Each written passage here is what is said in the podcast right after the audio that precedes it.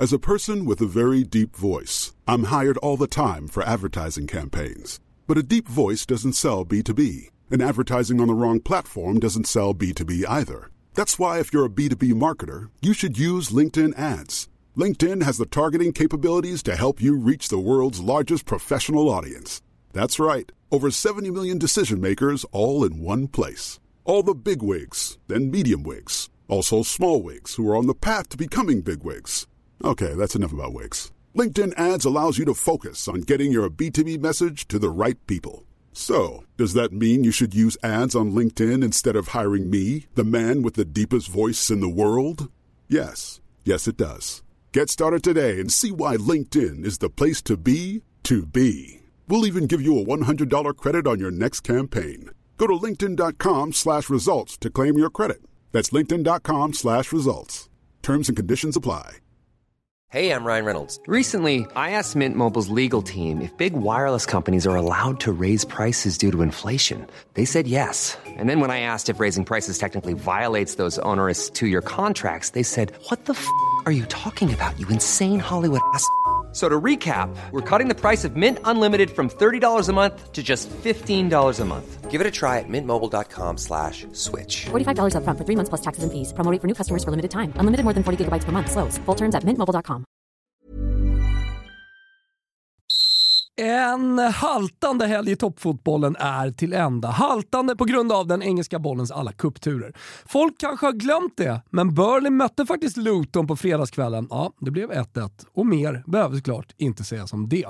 Nej, men efter att Chelsea vunnit knappt på lördagsförmiddagen var det big game Newcastle City på kvällen och man eh, kan ju lugnt konstatera att 2024 ler mot Alexander Isak. Nytt mål, nu 10 totalt i Premier League den här säsongen och nu får man ju bara önska att det får vara skadefritt och att självförtroendet är toppat en tid framöver.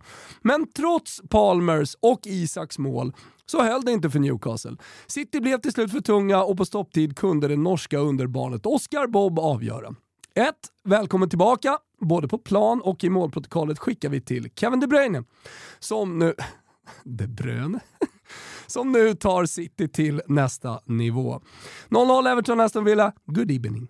Och ett jävla helgavslut med Manchester United Spurs Hörrni. Ingen Kulusevski som varit sjuk tror jag, eh, men en del annat gott på planen. Rashford och Höjlund har knappast gjort många glada under hösten, men med varsitt mål kanske man kan skönja tidiga vårformer. Delad pott hur som helst till slut, 2-2 på Old Trafford. Till Italien då. Kanske läge att känna av pulsen på Bologna som eh, verkar ha tappat allt efter att man smällde i sig julkakan som fyra i Serie A. Ny torsk mot Cagliari den här gången och det är som sagt, om ens någon, så en väldigt svag puls på Thiago Mottas gäng. Annars är det randigt hörni. Säkert är det många som eh, hört mig säga att det är en big och en randig framtid i Italien.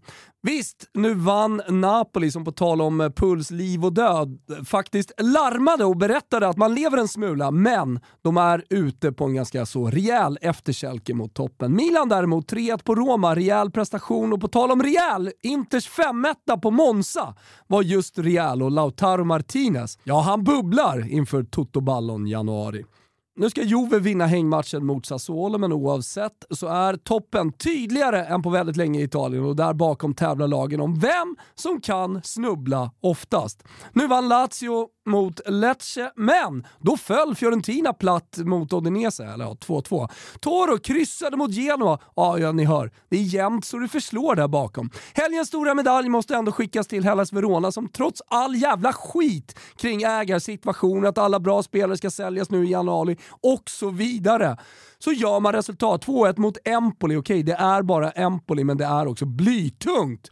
I övriga världen pratar alla om comebackernas comeback va? Nej, det är inte KDB, utan min gubbe Vinny Junior. Real Madrid slog Barcelona rejält i Supercupfinalen och det var en hel del tack vare brassen. Tre mål, den eh, minsta men ändå, en titel och ni fattar vartåt det barkar. Är han månne den stora stjärnan som ska kunna bära Brasilien till mästerskapsguld? Spelaren Neymar aldrig blev? Jag vet inte, men ni kan väl alla känna lite lätt på det.